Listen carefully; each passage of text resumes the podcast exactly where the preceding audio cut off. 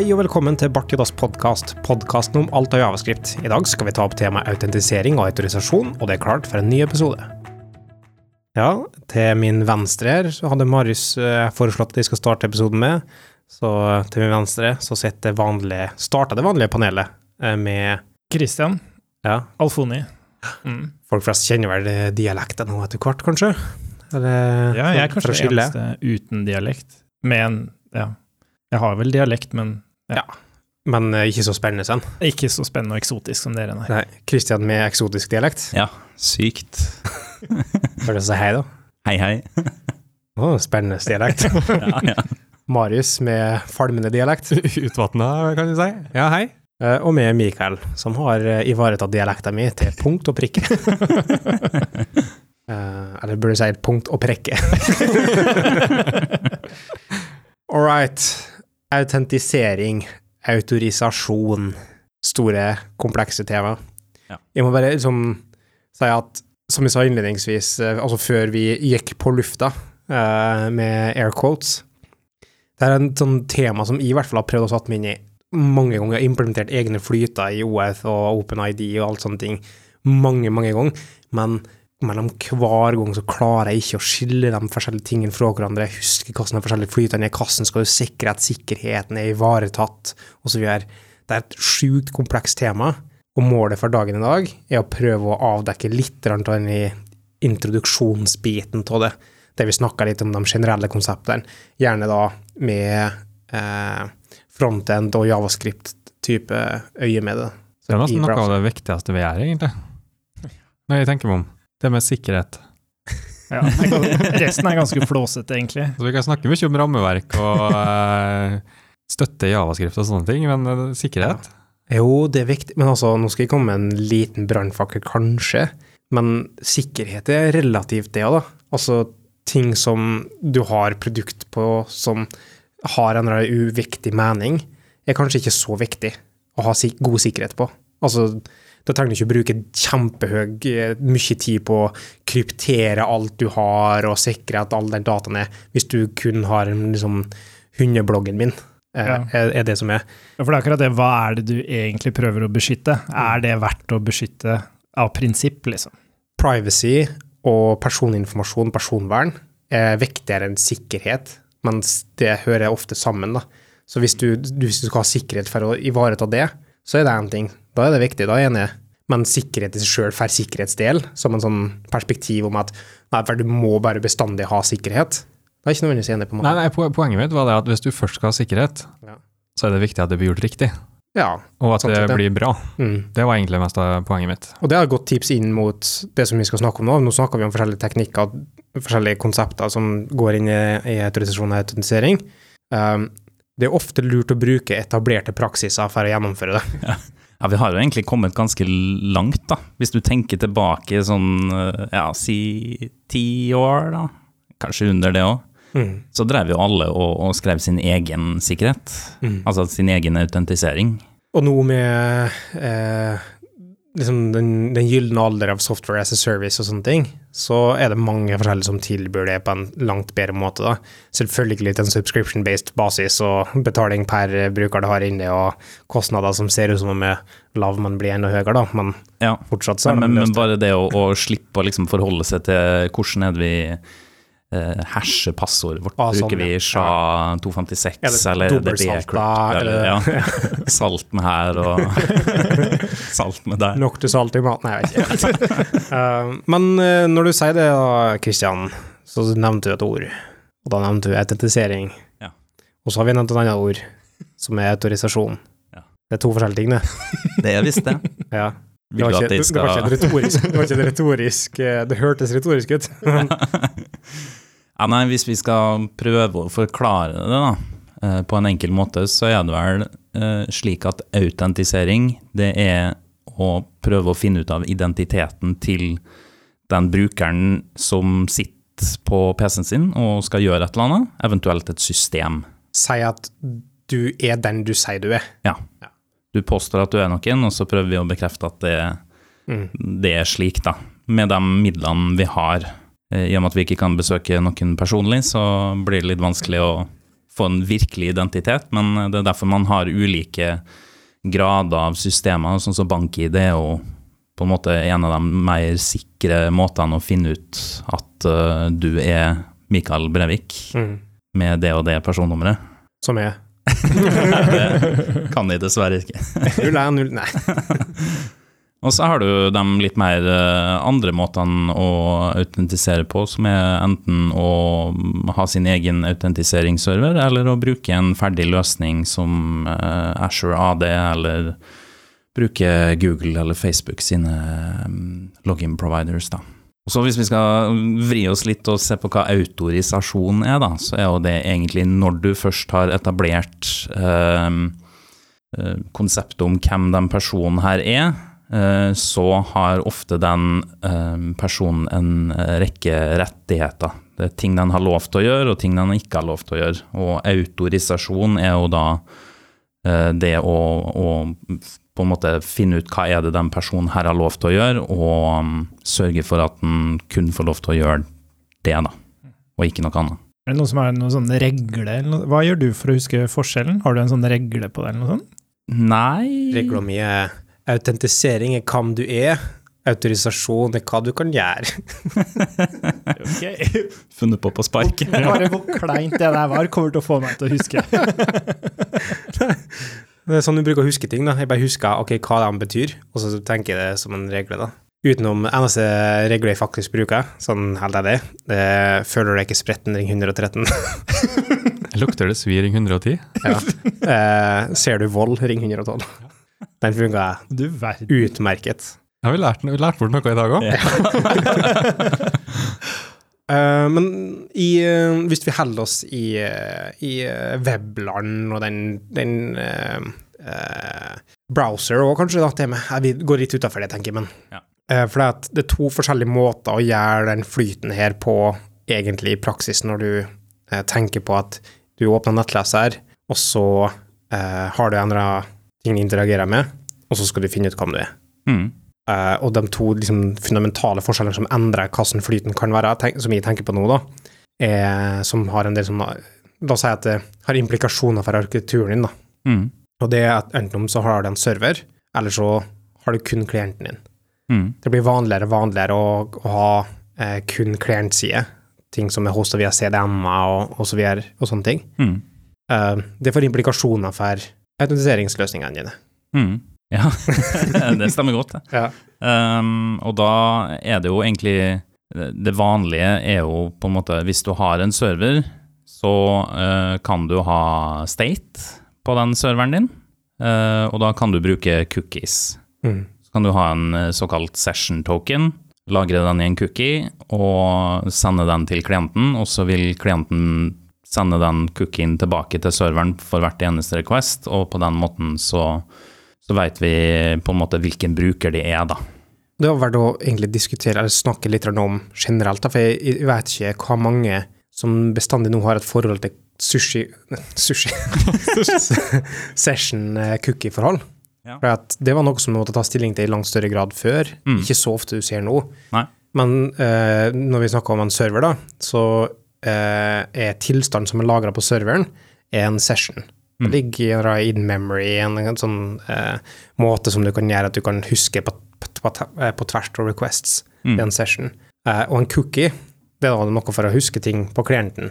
Ofte så kan en cookie ha det som en session ID, og kalle det hva du vil, men bare en, en ting som gjør som du sender med til serveren hver gang, Mm. som er en identifikator som gjør at du kan slå opp i registeret over der du har sessions lagra, og finne ut ok, dette er den personen som er der. Og det er også sånn som session hijacking og sånne ting kommer fra, da, at du får den ID-en over, og da kan du få tilgang på serveren din over en sånn ting.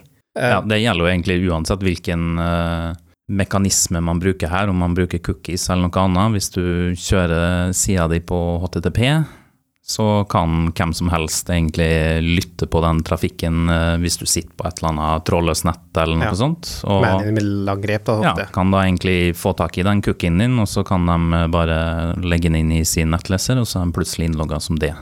For det husker jeg jeg gjorde en gang.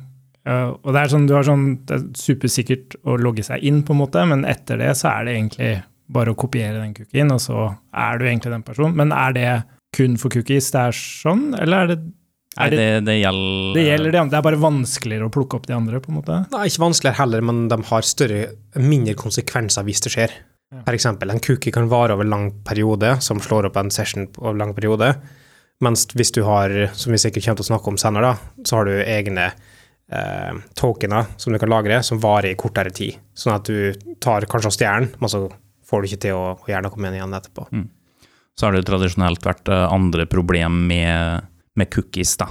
Uh, som det faktum at de sendes med uansett. Mm. På hvert eneste request så er det uansett sendt med alle cookies for det domenet. Og det gjør at man kan uh, gjøre såkalt uh, clickjacking, som uh, Ja, hvordan skal vi forklare det, da? Du har en Du lurer brukeren inn på en nettside. Den har en eh, f.eks. en image tag med der sourcen er Uh, gjør et uh, request mot uh, banken, f.eks. Og hvis brukeren da er logga inn i den banken, har en cookie, så vil den bli automatisk sendt. Ja, ja, Så det er en sånn rekke ting her som må skje. da. Det må være et, på en måte et post-request i get-form. Ok. For du kan, ikke, du kan ikke kjøre post-request, du kan bare kjøre gets. Men uh, du kan gjøre masse gøy med gets. Og, Det var kjempevanlig for ikke så mange år siden, men gjerne på Facebook, der du hadde videoer som du skulle trykke play på. Så ligger det egentlig en, en div, en gjennomsiktig div over, som lytter på den og så gjør et kall mot Facebooken din fra din side. Og så har du logga inn på Facebook, og så da liker du en eller annen innhold. Og det er det som var konsekvensen til at du så fullt av folk lika sånn absurde videoer som er helt som du ikke skulle tro at den personen lika, da. Eh, så var det gjerne sånne ting som lå bak, da. Clickjacking. Mm. Og nå skulle man tro at eh, sånn som clickjacking gjør at man rett og slett bare ikke bruker cookies lenger, og det har egentlig stemt i ganske lang tid.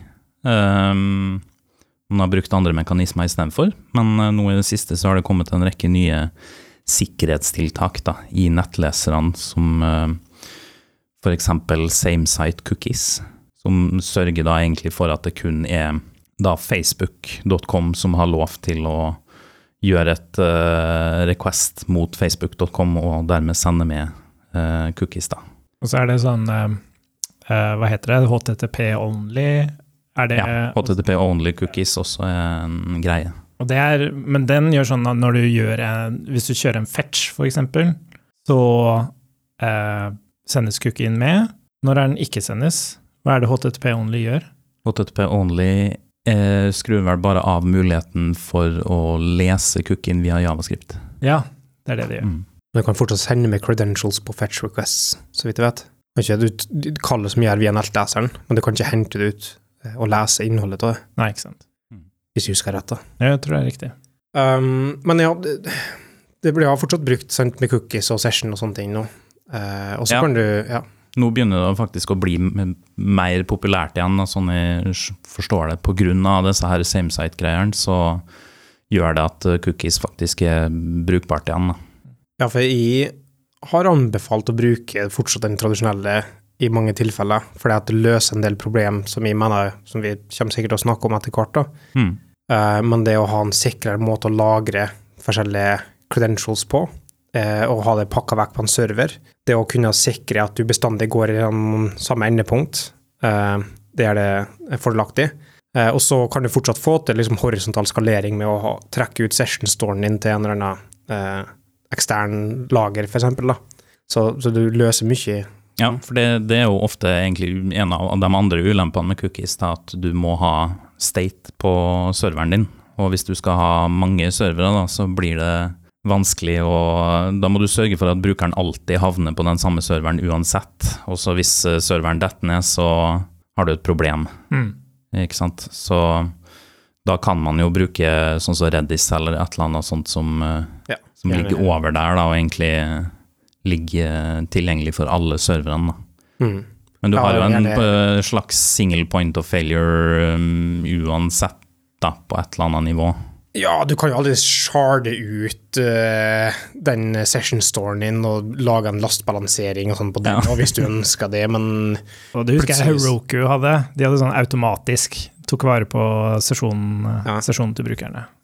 Men uh, på et eller annet tidspunkt så blir DNS-en en single point of failure uansett, så det, Ja. så, det finnes da bestandig sårbarhet, da. Men, ja. Mm. Eh, så det er den flyten eh, Og så skjer det noe for å kommunisere fra serveren over til autentiseringsserveren din, og over til ressurser som du skal ha eh, ting på. Men den biten der er eh, tenker jeg kommer igjen. altså Vi kan snakke om det etterpå, da. Mm. For nå har vi dekket hvordan en tradisjonell server-klient-greia fungerer, Mm. via sessions og cookies og sånne ting. Eh, hva blir det da hvis vi går fra en, det som ofte kalles en, en spa? Altså, jeg, liker ikke det uttrykket, derfor jeg sier med ironisk distanse, men jeg finner ikke på noe bedre uttrykk enn eh, client-only-type klient, da. Ja, det var vel den Altså på grunn av på en måte de problemene som har vært med cookie-basert uh, autentisering tidligere, så um, har det sammen med inntoget til single page applications og egentlig det faktum at uh, både Facebook og Google og sånt har lyst til å levere, utlevere identitetene til folk, da. Bare lyst til å være identity providers, da så har de tre tingene her kombinert gjort at, har, um, at vi har kokt i hop uh, et nytt konsept som heter token-based authentication. Og det er ganske komplekst, kan være. Det finnes flytdiagram av sånn Det er fire forskjellige typer som gjør den typen utveksling på informasjon på i OAuth-standarden, og i, og i OpenID og sånne ting. Men, eh, og alle de har sine små nyanseforskjeller som gjør det umulig å huske liksom, den, eh, de nyansene på i det hele tatt. da. Men Hva er det kompleksiteten går i? Går det an å si noe om hvorfor den er mer kompleks? Altså, kompleksiteten ligger egentlig i den mekanismen uh, du må gjøre for å få tak i det tokenet. da. Mhm. Og hvis vi, hvis vi dropper den inntil videre, da, så handler jo egentlig token-based authentication ut på at uh, du snakker med en identitetsserver, uh, og så uh, gjør du en flyt, og til slutt så får du ut en access token. Og den access token er, er tilsvarer egentlig den cookien da, -hmm. i den andre mekanismen. Men Og, access token sant? den sier noe om hvem du er, Ja. det som er poenget med den. Og det kan da være enten en reference token eller en JVT token, mm. en Jason Web token.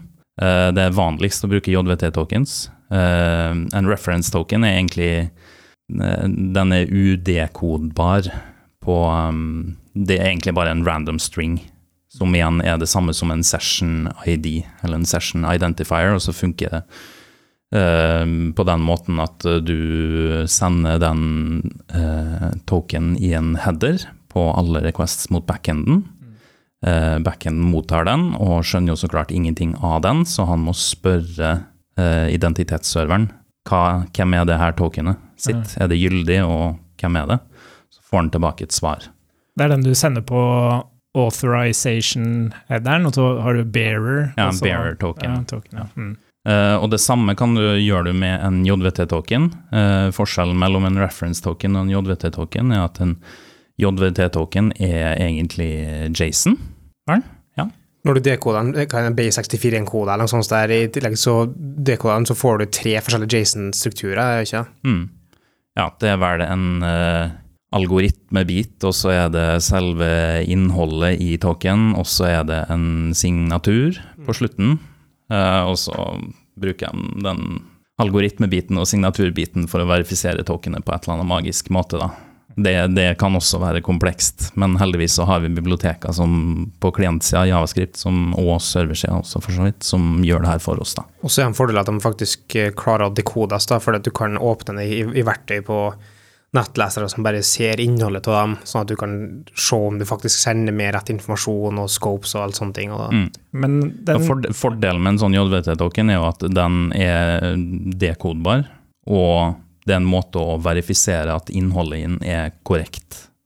Eh, Så når du sender den til serveren din via authorization-headeren, så trenger ikke serveren egentlig å snakke med identitetssystemet i det hele tatt. Da. For den kan bare anta at eh, så lenge jeg greier å validere tokenet, at det er gyldig, så stoler jeg på eh, at eh, da vet jeg at det her er utstedt av identitetsserveren, og den stoler jeg jo på. Ja, ja. Men den identitetsserveren, er det noe liksom, vi ville finne på å implementere i en løsning, eller er det liksom Det er en sånn, sånn ting du aldri skal skrive fra scratch. Nei, ikke sant?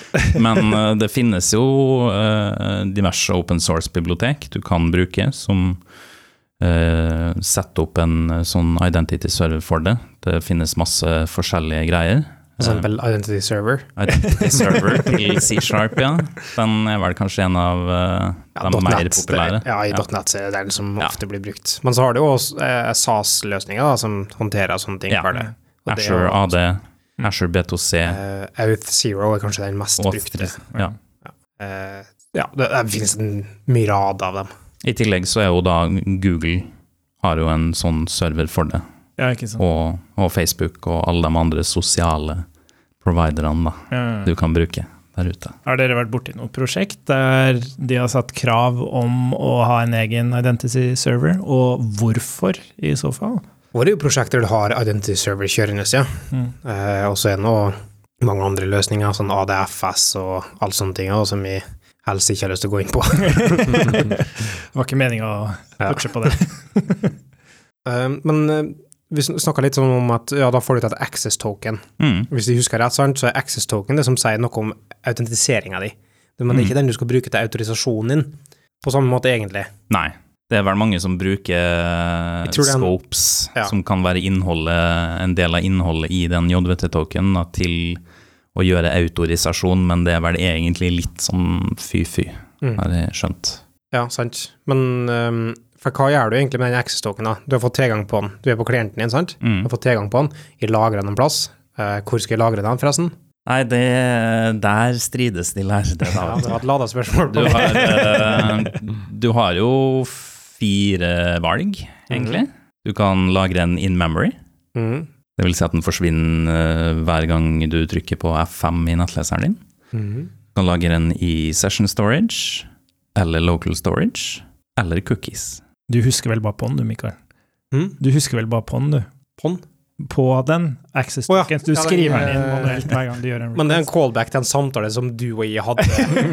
Ikke bare uten podkastlytteren, men også uten eh, Christian og Marius. Så det er sånn Jo, men det er sånn, Folk har jo begynt å kjenne litt, kjenne litt på hvem du er nå. Men ehm, det er mange, sånn, egentlig så mange som anbefaler f.eks. In Memory, for det er en sikker måte å gjøre det på. Ja. For den kan du ikke spore opp. Local storage, der er det ukryptert, så den kan folk gå inn og se på. Mm. Det finnes noe som heter Local Forge fra Mozilla. Eh, hvor det blir til nå i disse dager med Mozilla, det vet vi aldri. Men eh, som er liksom en krypter pakke på toppen av Local Storage, som du òg kan bruke, da.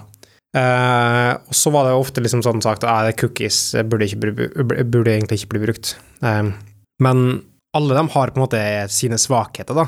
Som får meg til å tenke at det egentlig ikke er et rett svar. Det kommer litt an på behovet ditt. Ja, det, Det er en cop-out, de innser det. Ja. tror, tror det kommer litt an på, så er det jo ingen av de fire måtene der som er sikker, egentlig.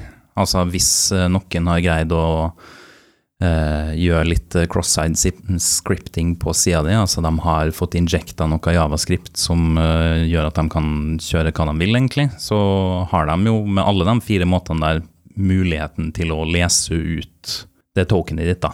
Um, litt varierende van vanskelighetsgrad på dem, så klart, men uh, det er jo per def usikkert å lagre noe i browseren i det hele tatt. da.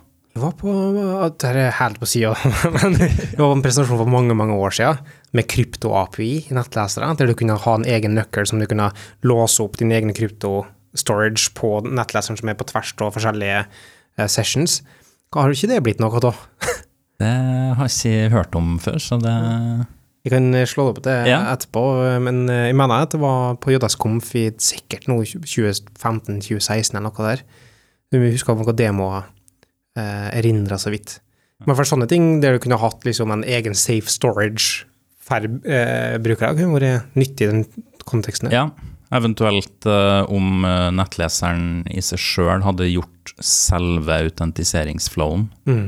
Eh, vi snakker jo om altså token-basert eh, eh, login er jo ofte Da snakker man ofte om standarder, altså OAuth-standarden, OAuth2 eller eh, OpenID Connect.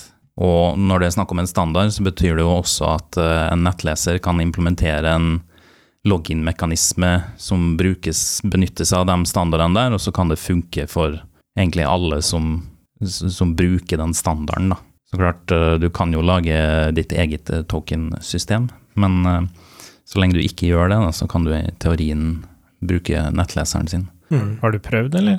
Har du, liksom, har du prøvd noen gang? Lage ditt egen, bare sånn for gøy, i så fall?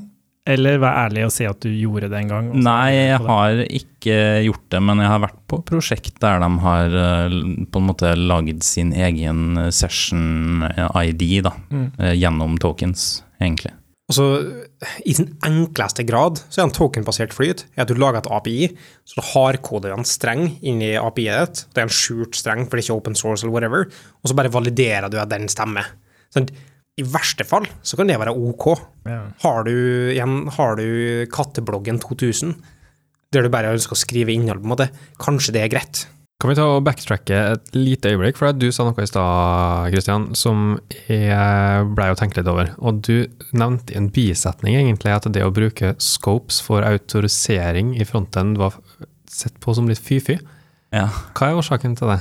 Jeg er ikke noe ekspert på det området, men et av problemene med det kan jo være det at uh, tokens er jo I hvert fall hvis du bruker JVT-tokens, da, så er jo den per def egentlig gyldig til um, til den går ut på dato. da.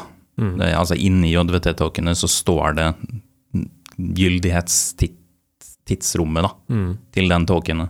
Og eh, det kan du jo Det kan serveren egentlig styre om det skal være en time eller en dag eller eh, to år eller uendelig, holdt på å si. da. Men det er på access token. Det er på access token, ja. Mm. Og hvis du da har, bruker scopes til å, å um, Scopes er egentlig litt sånn um, en generell datapakke. Du kan egentlig hive inn i hva som helst av key value-ting der. Så du kan jo bruke den til å eh, si at eh, Mikael han er admin og har alle rettigheter, og så har um, Marius bare de her rettighetene, på en måte du er skribent eller bare vanlig leser osv.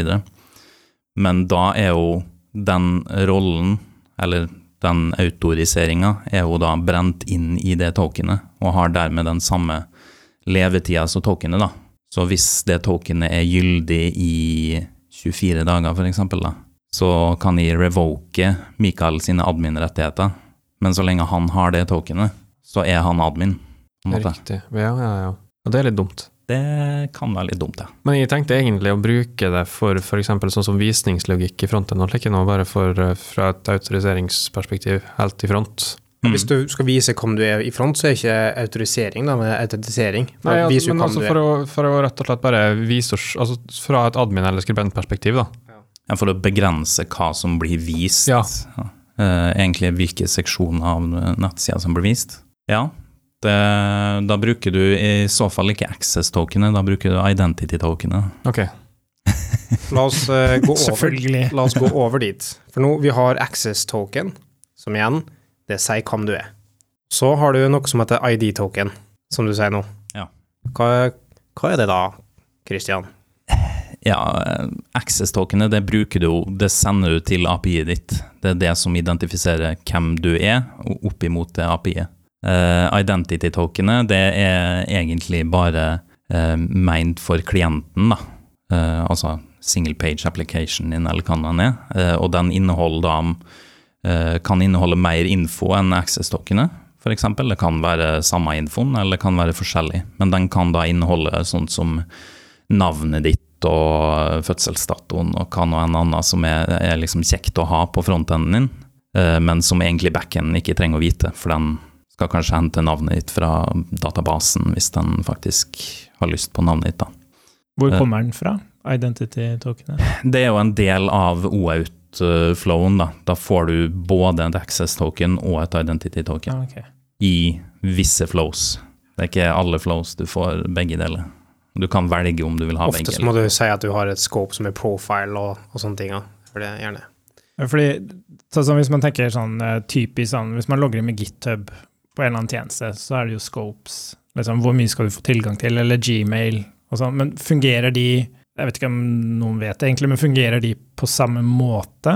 Uh, eller er det noen av de som på en måte er sikrere enn andre i forhold til akkurat det du snakker om nå, da, å eksponere tilganger? Ja, akkurat når du, når du på en måte logger deg inn via en sånn eh, som Google f.eks., og du får opp en sånn uh, rettighetsskjerm Det er sånn, har du lyst til å gi Alfonis eh, fantastiske app tilgang til navnet ditt og fødselsdatoen og sånt, så eh, regner jeg med at det kanskje er en del av det OAUT-requestet som går, da. At det er et scope som, um, som da din app da har spurt om, egentlig. Um, uten at jeg kan svare helt konkret ja eller nei på det. Så, ja. Ja, nei, for det er interessant det derre med at hvis du endrer på rettighetene, hva skjer da Mm. på den autoriserte sida, eller autentiserte sida? Men si at du har sendt over en token til en ressurs som du ønsker å få data på. Mm. Så tar, hva, gjør den, hva gjør den ressursen Så det er endepunktet, restfullt endepunkt. Så sender du med en eller annen token. Hva slags token er det du sender med, og hva er det den serveren gjør med det tokenet? Da sender du med access-tokenet, og det serveren gjør, er jo avhengig av om det er et JVT-token eller om det er et eh, reference-token, men hvis vi antar at det er et JVT-token, så vil den jo um, først så vil den jo sjekke hvilken uh, side, altså route det her, og, og kreve den autentisering. Og så vil den se på ja, er det med en autentiserings-authorized header her, da. Så vil den dekode den tokenen og se på innholdet. Kanskje krever den routen at du har et spesielt scope satt, f.eks. For ofte så vil du kanskje gjøre det sånn, det er det du gjør med eh, forskjellige autorisasjonsendepunkter. Altså så et forskjellig endepunkt har forskjellige autorisasjonskrav. Mm. Eksempel her så har jeg i det GitHub-API-et mitt, så må jeg ha eh, repo colon read-rollen satt. Mm. Eh, scope, unnskyld. Eh, og gikk litt rollebasert. Yeah. En, en helt annen samtale. Eh, eller den her endepunktet, da har du right-scopet som du må ha, sant? Mm. Men burde ikke den headeren hete authentication header istedenfor authorization header? Nei, for at Du sender jo med authentication token, ikke auth authorization Nei, jo, token. men du spør om å få tilgang på noe, og det er der forskjellen på authentication og authorization er. da. Ja. Du, sa, du vet at du er den du er, for du har du en token på. Ok, authorize me, liksom, Yes. med dette authentication tokenet. Ja. Ja. Men da sender over det, den validerer det på en eller annen måte, og så sender den tilbake. Men hvor lenge burde en uh, access token vare, da? Nei, det derav strides de lærde der òg. det er jo uh, Jeg har sett veldig masse forskjellige praksiser. Uh, tidligere så har jeg utstedt tokens som varer i flere dager, f.eks. Mm. Men uh, det er kanskje ikke det løsninger har sånn forever tokens òg, liksom. Ja. Da, har du, da kommer du inn på den tredje tokenen. Mm. Typen token. Du har identity tokens, access tokens og refresh tokens. Mm. Den siste da kan brukes til å Det er gjerne en veldig langlevd token, Uh, random string igjen, uh, som kan, du kan veksle inn, altså sende inn til eh, identity-serveren for å få tilbake en ny access token. Det gjør at du kan ha en access token som bare lever i ti minutter, f.eks. Men så kan du bruke den refresh token om og om igjen. Og fordelen med, med det approachet da, er jo at um, i og med at du må spørre etter en ny access token hvert tiende minutt, så får da identity-serveren muligheten til å si nei, det får du ikke. Noen har sagt at du får ikke være logga inn lenger. Men Så har du revoka accessen. ja, revoka. Ja, for det kan jo løse problemet med langlevde til rettigheter og sånne ting òg. Ja, det kan, kan i grunnen det. Da har du et vindu på ti minutter. Si. Mm. Men sånn som Gmail, for eksempel. Jeg er jo alltid logga inn. Uansett hvor lenge siden. Nå sjekker jeg jo ganske ofte om det er YouTube eller hva det er for noe, da, men det virker som det er for alltid. Ja, men refresh tokens, igjen, det kan vare lenge. Det kan du ha lenge lagra på maskiner. Mm. Og det som er tingen, hadde ikke hatt refresh token, som eh, Christian beskriver, så, og den har hatt eh, access token hatt levelighet på ti minutter, eller den har til er har til med ofte standard i mange eh, tjenester, så måtte du ha logga inn hvert tiende minutt eller hvert 30 minutt. Men, men hvis du kopierer det refresh-tokenet, da, kan du da si Hvis jeg kopierer ditt refresh-token, da, kan jeg bli deg da, liksom? Ja, ja. Altså, Det blir det samme som om du kopierer access-tokenet. da. Ja. Bare at da har du egentlig en masse større nøkkel, holdt på å si. Ja. Ja, ja, Og så skjer det en del sikkerhetsmekanismer innpå der, som igjen Da går vi ut på Da er Mikael på tynn is, grunn, så håper jeg Kristian kan ta over det. Men du har egne sånn mekanismer for å sikre den kommunikasjonen imellom som gjør at ikke du nødvendigvis klarer å ivareta den så, så stor grad. Da. For en server eller en klient kan måtte ha det som er da PKCE, som er en eh, en slags passordutveksling mellom klienten og serveren for å bekrefte at du er den du er som du sender det i utgangspunktet og sånne ting. da. Og det var da noe anbefalt til alle klienter sjøl fra eh, browser-klienter og fra server-klienter å ha PKC aktivert i begge ender med Identity Servers. da. Da er vi egentlig inne på uh, OAUT 2-standarden. Den har definert uh, en rekke ulike såkalte scopes. Uh, av og til så blir det brukt ordet grants også. Uh, og det er egentlig bare uh, ulike oppskrifter for å få tak i en token. Da. Um, og der har du For spa-applikasjoner så brukte vi inntil, inntil nylig Implicit Flow. Eh, som en, en browserbasert uh, oppskrift da, egentlig for å få tak i en token som Ja, det, det er et flytskjema på det. Det er ikke alltid like lett å forstå, men du bouncer litt fram og tilbake mellom da Alfonis fantastiske app og uh, Identity-serveren sin nettside, da. Uh, men i bunn og grunn så er det det brukeren gjør, er jo at han går på nettsida di, og så blir han redirecta til Identity-serveren. eh, og der kan han putte inn brukernavn og passordet sitt, eller han kan trykke på Google-logoen, f.eks., og gå enda et steg videre. Da. Mm. Eller du har logga inn fra før, Ja, den eh, så du ser bare OK, jeg vil authorize den eh, applikasjonen som du kommer fra. Ja. Så han, han logger inn på et eller annet vis, eller er allerede logga inn på den identity-serveren, og så sendes det et token tilbake via uh, en redirekt. Så da ligger tokenet i URL-en. Mm. Uh, og derfor uh, må du bruke HTTPS. Ja. Og hvis ikke så kan alle og enhver lese av den tokenen. Mm. Kom på nyhetene. Ja, Kom Mm. på nyhetene. Men hvordan er det med Fordi med mobil, for eksempel, så må du jo Sånn som med Firebase, der det er brukt mest sånn OAuth. Autentisering. Mm. Norsk navn for OAuth, egentlig. Det skulle vært et norsk navn for det. det er, men jeg syns det er så vanskelig å uttale. Det Og derfor jeg begynte å snakke om det uten å tenke meg om. Ja, skjønner. Eh, men på mobil så må man alltid redirecte. Er det fordi man ikke har Altså hvorfor, hvorfor er det sånn? Hvorfor må man alltid redirecte på mobil? Hvorfor kan man ikke bare åpne et nytt liksom? Man har jo pop-ups. Man har jo ikke pop-ups på samme måte på mobil, så den ser jeg.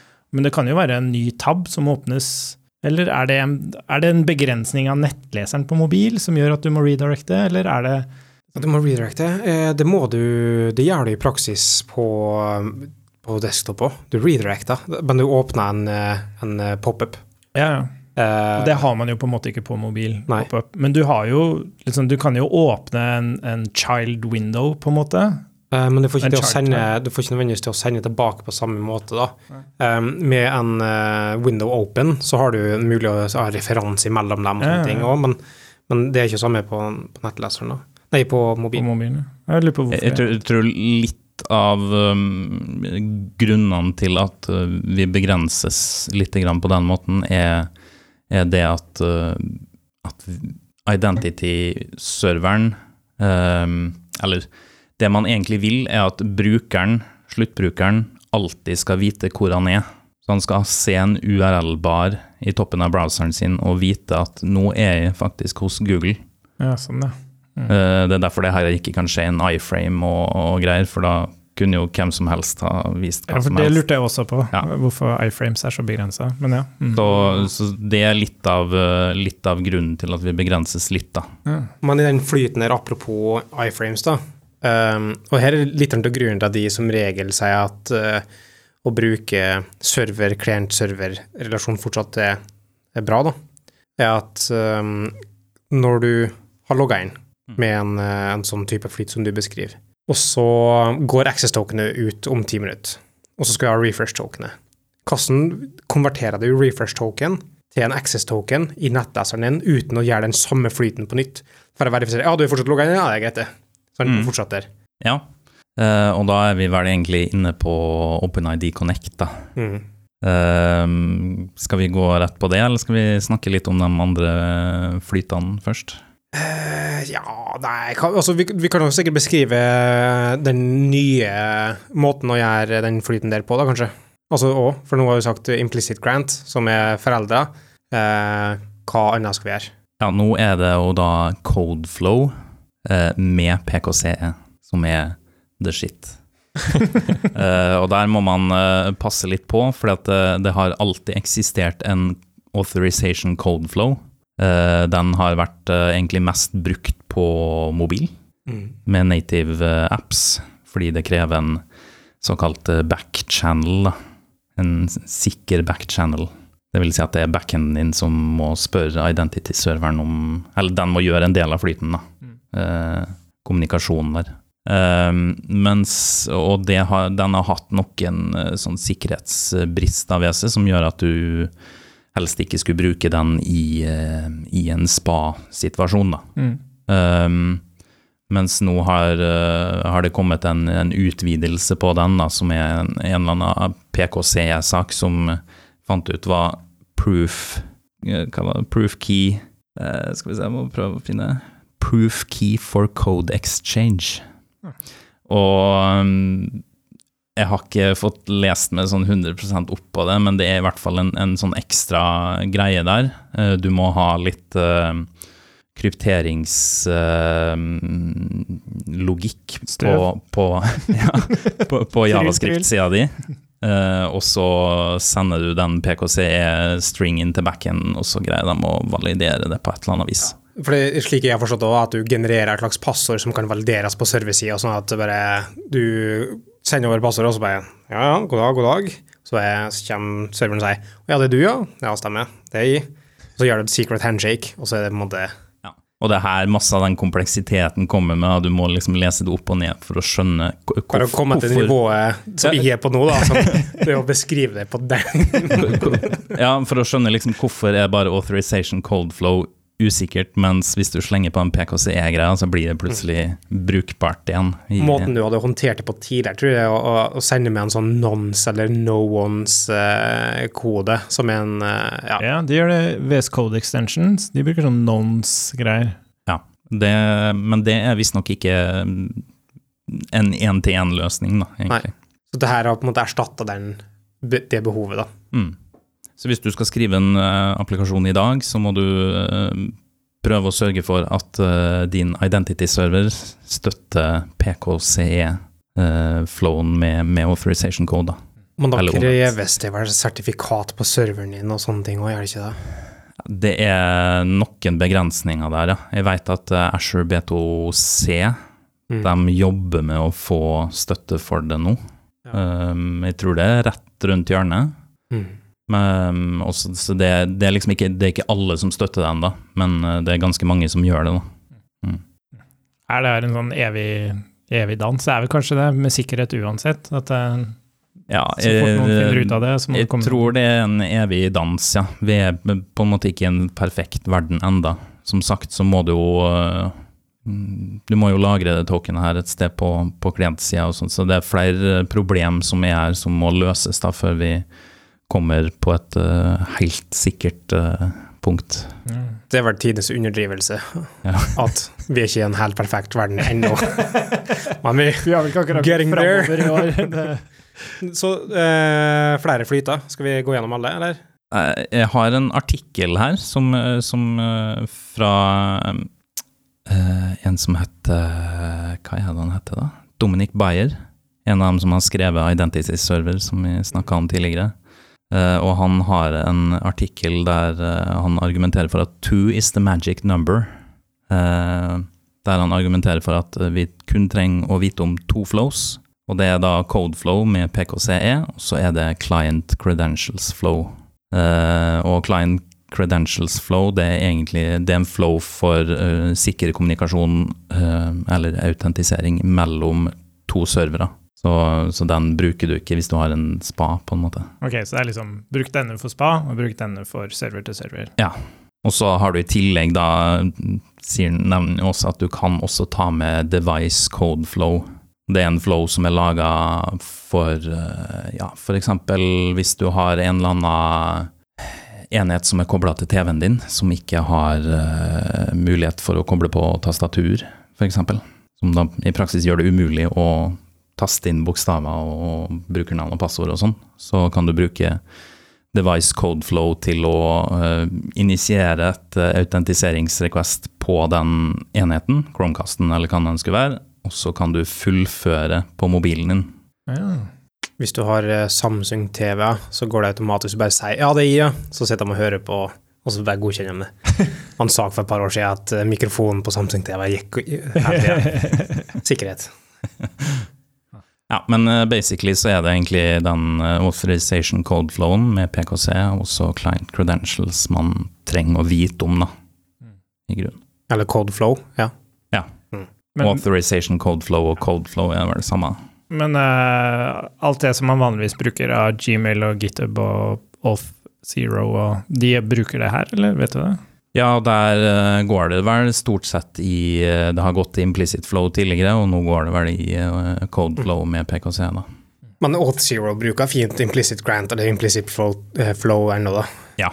De fleste serverne støtter flere flyter, men nå er det jo én anbefalt flyt, da, for single page applications. Du sa i stad at da er vi over på OpenID Connect. Ja. Hva er OpenID Connect, og hva er OAuth? Er det med, liksom? Ja. Nei, men altså, du dere snakker om OAuth som en ting, og OpenID Connect som en annen ting. Ja. Uh, OpenID Connect er egentlig en ny standard som bygger på OAuth, så det er et lag oppå OAuth igjen.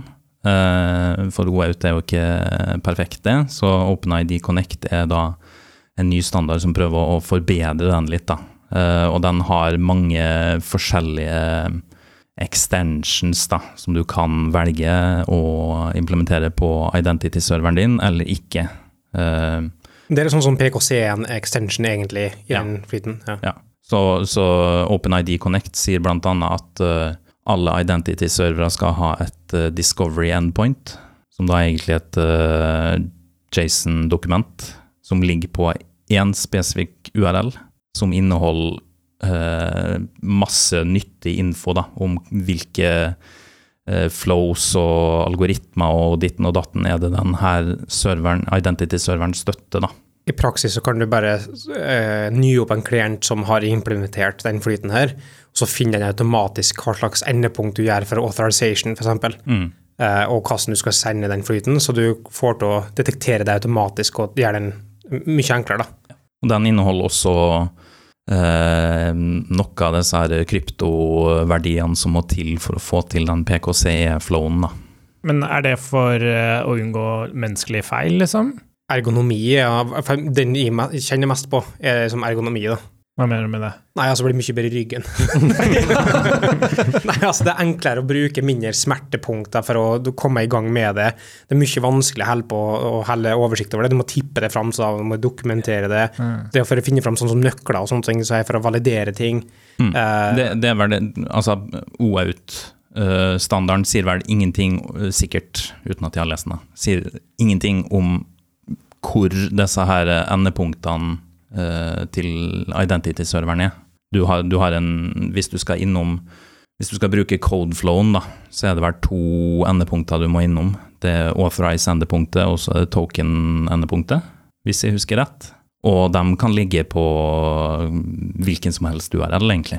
Mhm. Um, og, og det OpenID Connect gjør, er jo at den, den sier at du skal ha det Discovery-dokumentet, og den skal inneholde URL-ene til begge de to endepunktene der.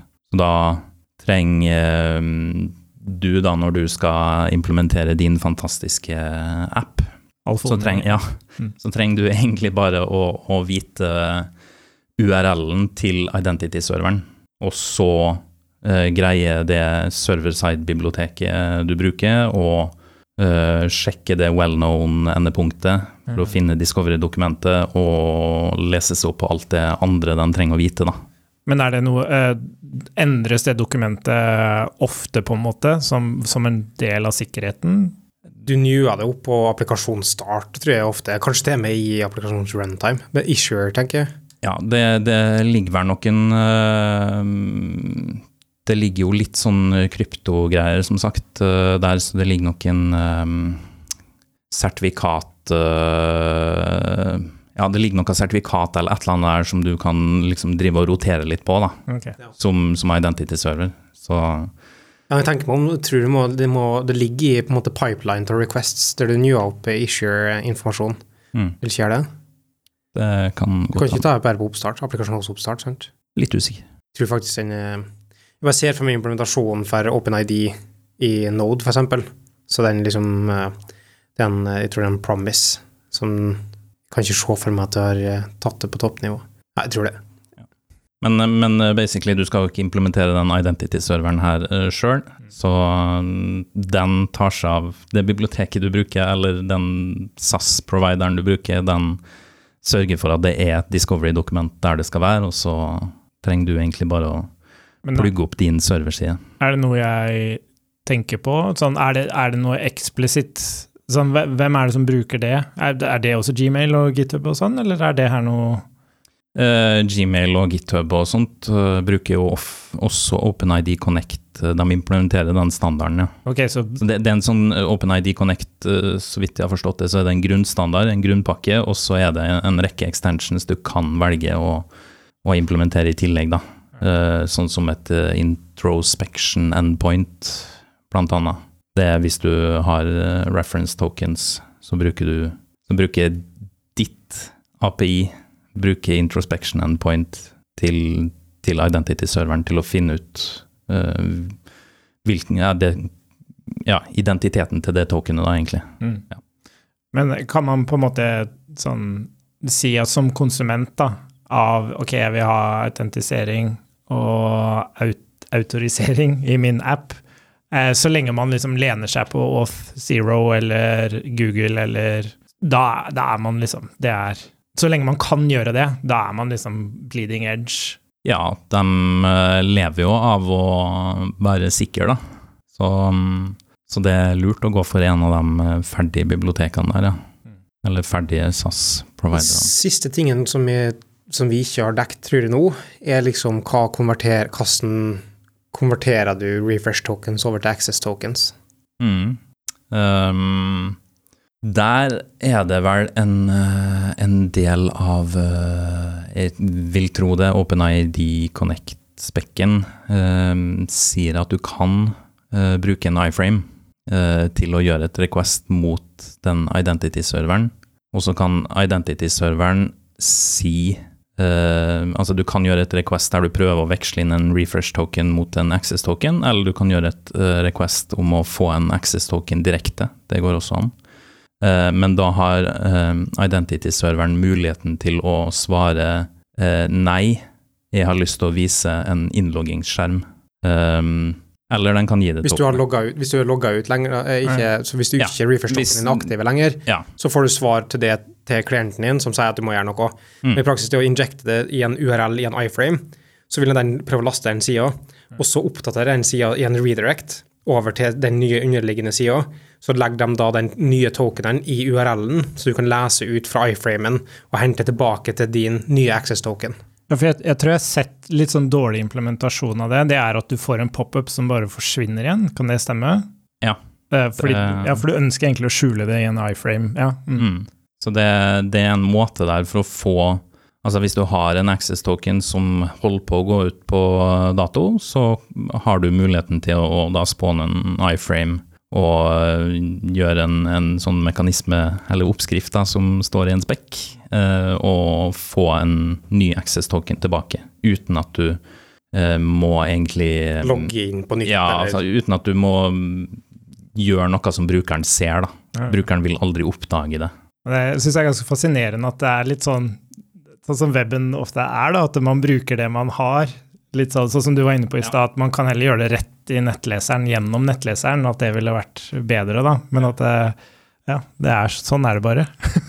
Det er, det er smart Eller det er ikke smart, det er clever å bruke sånn uh, iframe til å gjøre det, da. Mm. Men det, det, er ikke særlig ergonomisk, Nei. dagens nyord. Mm. Det liker jeg godt i. Men uh, er det andre måter å gjøre det på, egentlig, Kristian? Enn iframe? Hvis du har en klientside only. Det å hente ut uten å måtte få opp en ny redirect flow, da. Eh, tror ikke det. Nei, jeg Det tror kan hende jeg glemmer noe, men Nei, for det er det jeg lurte på, altså, om det finnes i det hele tatt. For da har nettopp liksom den grunnen til at de mener at det er bedre å håndtere det på en serverside. da. For da kan du bare fyre av gårde et request til en authentication server sjøl og sjekke eh, kan jeg få tak i en ny nå, please. mm, Så sier han ja kis. Vær så god. mm, Så oppdaterer du en egen session og håndterer den flyten der sjøl. Du pakker vekk all den håndteringa der på egen hånd. Da kan du jo argumentere med at uh, det er en ulempe at uh, din backend har min refresh token også. Ja, hvorfor det? Nei, da betyr jo det i praksis at uh, du kan uh, operere på mine vegne Mm. uten at de er der, på en måte. Ja, Du men det kan- du jo kan få tak i en kan access token Det kan du bestandig med en uh, server-base, da, for du har access token der på et eller annet tidspunkt uansett. Ja, ja. ja. Ja. Men uh, ja. Ja. Jeg vet ikke hva jeg skal si, men eh, det er Ja. Det kan være ulemper med den approachen der òg. Ja. Men generelt sett så er litt sånn eh, bruken av refresh tokens i en nettleser også litt uh, dårlig i praksis, tror jeg, da. Det har vært det, i hvert fall. Jo, men det, det må nå til, med mindre du ønsker faktisk å ha en langtlevende access token, eller gjør den innlogginga for hver gang, må ikke? Er det noe annet alternativ? Ehm, ja, altså øh, for eksempel det Identity Server gjør, da, det Mm. øh, open source-produktet, er jo Ikke det Microsoft-produktet, altså det open source-produktet. Nei, Nå har jeg brukt ordet Identity oh, ja, sånn, ja. Server Ja, ja. øh, ganske mange ganger. Og- Identity Server 4.0, det er ikke den nyeste, ja. Men det den gjør, er i hvert fall at, at den lagrer cookies på Identity Server sin side. Så den har en session cookie som gjelder i f.eks. to uker. Ja. Det vil si at du kan, eh, du kan spørre om nye tokens via en sånn iframe eh, ganske mange ganger og få Altså, du kan spørre i to uker, Mm. egentlig, og få en access token tilbake. Da har du ingen refresh tokens involvert i det hele tatt. Ting, når du sier det, ja. En annen ting som eh, eh, Hva er det nå? At hvis du har på en måte en innloggingsflyten her Kanskje du sa det, jeg husker ikke. Det er lang dag. Men at uh, du kan ha det på samme domene. Så hvis at HTP eh, s- Restfulnessen din er på eh, samme domene som klienten er på, så har du direkte tilgang på de samme cookiene. Så da kan du bruke det uh, som i stedet for å måtte gå til en tredjepartsløsning bestandig og sånne ting. Mm. Uh, altså same domain, eh, resource sharing, whatever. Ja. Litt av autorisering. Autorisasjon, kan være. Jeg har et eh, forslag da, til hvordan man skal huske på forskjellen. For du har autentisering, og så har du autorisering. Så jeg tenker auto, kjøre, ikke sant? Kjøre bil, det er noe du har lyst til å gjøre. Men for å gjøre det, så må du ha førerkort, ikke sant? Så autorisering, det er jeg vil kjøre bil, men for å vite det, så må du ha førerkortet, eller for at det, da må du ha førerkortet mitt først, som er min autentisering. Ta den. Ta den om du liker den. Det er ille når, det er ille når huskereglene er mer komplisert enn forklaringen i seg selv. Ja, men bare tenk auto. Ja. Det er det jeg vil. Jeg vil kjøre. Ja. Men da må jeg vite hvem du er først. Ja. Gi meg ID-en din. La meg få vite hvem du er. Jeg lever litt òg i en verden der jeg tenker at det er ikke så farlig om du tar feil på det. Det går fint. Det er ikke Noen kan korrigere det, eller så kan de ikke korrigere det. Det er ikke, det er ikke så farlig. Folk har daua pga. feil komma, liksom. Så Nei, skyt ham ikke, vent til jeg kommer, sier ni. Nå kan det hende jeg tar eh, feil, da, men uh, det du Altså, du er en uh, Du er glad i cookie-based. Ja, egentlig. Jeg tror litt av premisset for cookie-based er vel at uh, API-et og fronten må være på samme domene. Det, kan, det trenger ikke være det, men eh, fall, ja, hvis du har eh, token- Tenk forskjell på, det er forskjell på server og API-er. da. Serveren er på samme domene, så det har sin egen kobling mellom seg. Eh, sant? Og den går det. Men så router du all trafikken din via den serveren, Mm. eh, og da tar den og sender det ut til andre eksterne ressurser. Ja. Og der sender du da med access tokens. Den serveren blir på en måte en proxy, da. Ja, eller en webserver, da, som det bestandig har hete. Men så vi Ja. har gått så mye over til klientbasert, eh, utelukkende klientløsninger, at vi har glemt at det på et tidspunkt fantes en server som hosta HTML-en. Vi prøver å få den biten der tilbake. Ja, men i, Det i, i praksis da, så tar den, i din approach, så tar uh, single page application din, den uh, gjør alle requests mot det samme domenet som den er på. Mm. Eh, og det må på en måte til for å få cookie-basert innlogging til å funke, da. Mens token-basert, da kan API-et ditt ligge på Ja. Det Eller det, det, derfor Google gjør det, da, med Firebase. Altså, du kan snakke direkte med Firebase fra hvilket som helst domene, liksom. Mm. Jeg tror det er en eh, naturlig avslutning på episoden. Er det andre ting vi burde dekke? Har du flere spørsmål, uh, Alfoni?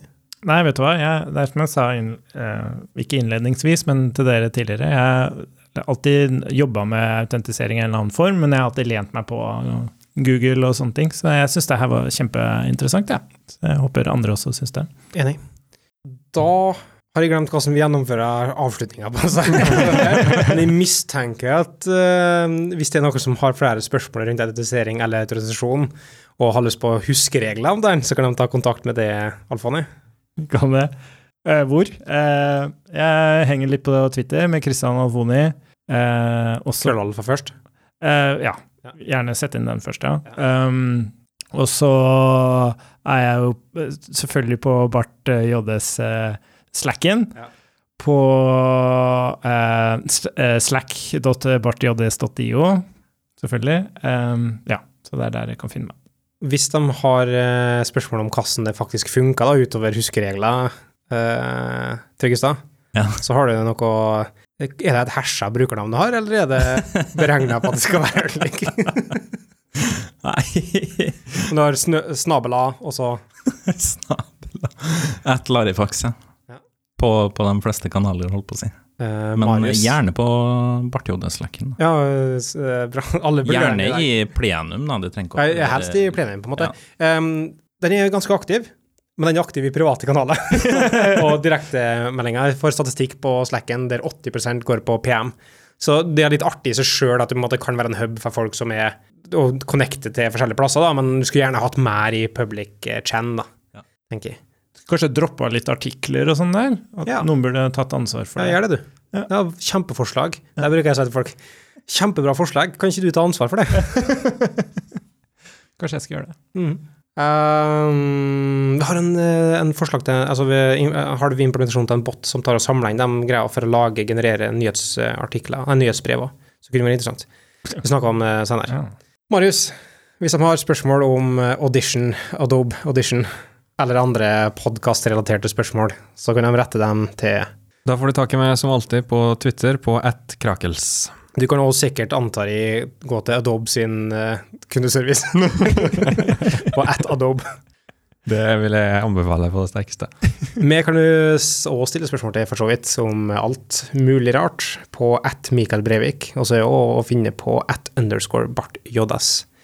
Da gjenstår det bare å si takk for at du hørte på. Så høres vi i neste episode.